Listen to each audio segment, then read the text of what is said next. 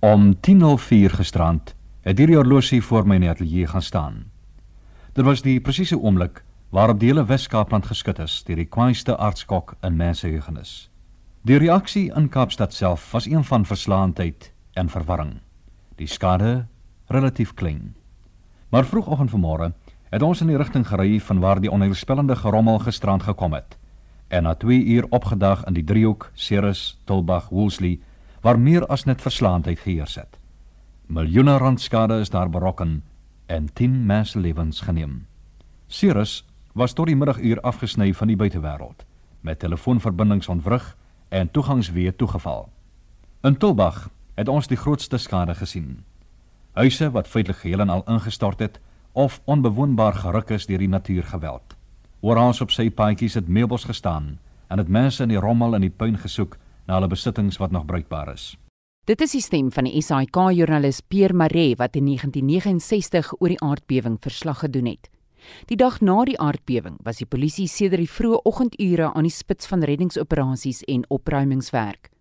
Volgens brigadier RH Beyman, toe die afdelingskommissaris van die polisie in die destydse Westelike provinsie, was die situasie teen 11:00 die volgende oggend onder beheer. Daar is 'n plaaslike komitee gestig om uh, die behoeftes van die mense in te gaan en vas te stel wie het tente nodig en en wie nie. Mm -hmm. En die gedagte is om 'n tentedorp hier op te rig. Ja, ja, vir die mense wat die behoefte het. Mm -hmm.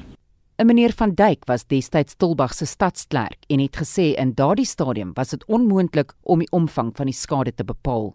As gevolg van die ou historiese geboue wat onherstelbaar beskadig is. Is dit uh, onmoontlik om uh, skade vas te stel. Uh, die munisipaliteit natuurlik sal uh, uh, sy bes probeer om dit so goed moontlik te herstel. Mm -hmm. Wel hier is nie een gebou omtrent in die hele dorp wat nie beskadig is nie. Mm -hmm. My eie huis byvoorbeeld lê in puin. Die polisiereservis Gert Baardnors wat ook op die dorp gewoon het, het vertel hoe hulle van huis na huis is om slagoffers te probeer help. Omtrent 5 oor 10 toe die kerk se horlosie gaan staan het. Het ons om het hy heeltemal begin drein en toe het hy net alles in mekaar gesak. En daarvan het ons al die dames uit die huis uit die wafelhuis in in van der Stelstraat 4 en toe is ons op na Stengel toe. Daar het ons gekry twee kindertjies wat dood is by Beneer Groes op die plaas en in Stendal self die korte straat was een klein kindjie en 'n kleerlingvrou. Toe is ons op na Kaaldrey, daar het ons tweeetjies gekry wat onder 3 voet pyn was en om Andres Jordan daar het ons nog een gekry en by meneer Ensie Krone daar was ook enetjie wat dood is. Hoe dinge gelyk as jy nou so by 'n plek kom? Ek het in my lewe nog nooit so iets gesien. Net waar jy kyk het stukke plafon afgeval en sement die vloere het gevoel asof hy sweef. Stanley Smith was 27 toe die aardbewing 50 jaar gelede die Bolandvallei getref het. Hy het in Ceres groot geword.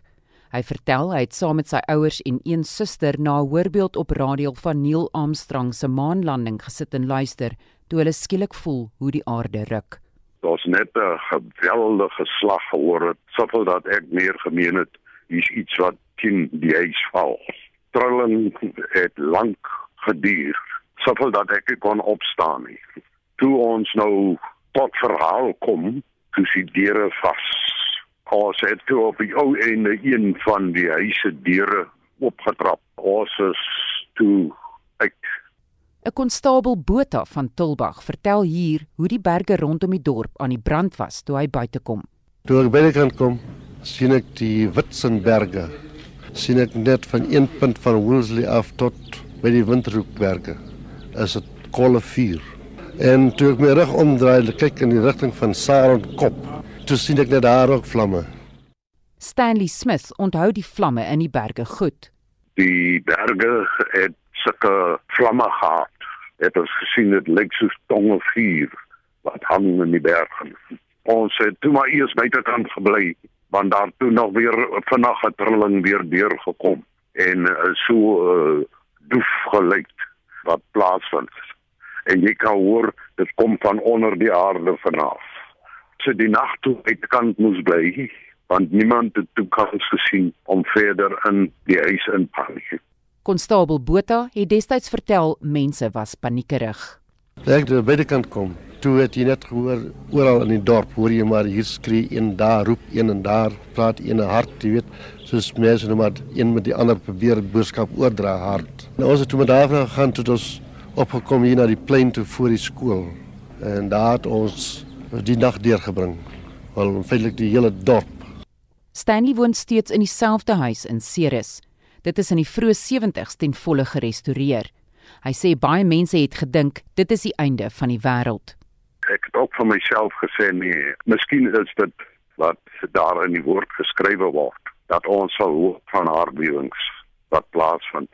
En nou is dit wel hier in ons kontry.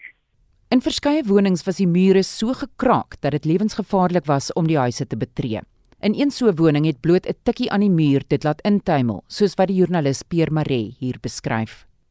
Hy sê onmiddellik net met 'n ligte drukkie sal die hele muur intuimel so voor sy 'n Angswekkende klank wat mense in Tulbag, Wolseley en Ceres gisterand moes hoor. Enorme skade is aangerig op die plaas twee jonge gesellen wat in 1969 aan 'n meneer MC Krone behoort het. Die huis wat toe reeds 250 jaar oud was, is onherstelbaar beskadig. So wat 16 km van daar af op Wolseley was die toestand soortgelyk.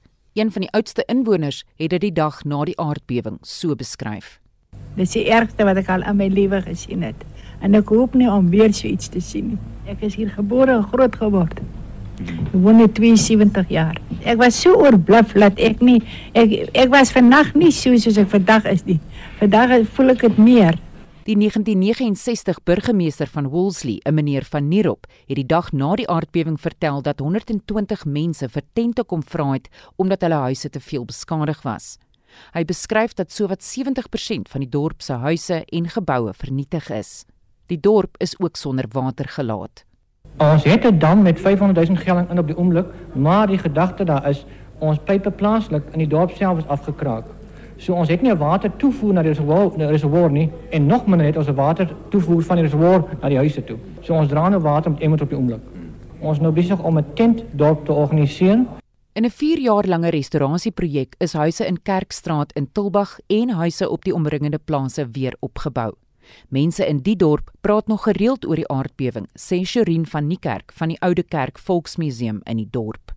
Die mense praat baie in die dorp oor die aardbewing, veral wanneer die weer 'n sekere manier lyk. Weet, as dit 'n uh, onweer is en daar's 'n bietjie wolke, maar daar's 'n baie warm gevoel, dan sê die mense dit is aardbewing weer in Tilburg, omdat dit hulle herinner aan die manier hoe die weer was die dag in 1969 toe ons die groot aardbewing gehad het.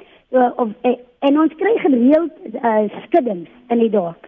Laas jaar was die grootste skudding 3.8 en so elke keer wanneer daar 'n bietjie geskud word, dan praat almal oor die 1969 aardbewing. Tulbag en Ceres het die afgelope naweek herdenkingsgeleenthede gehad waar oorlewendes ook hul stories vertel het. Ek is Estie de Klerk vir SAK nuus.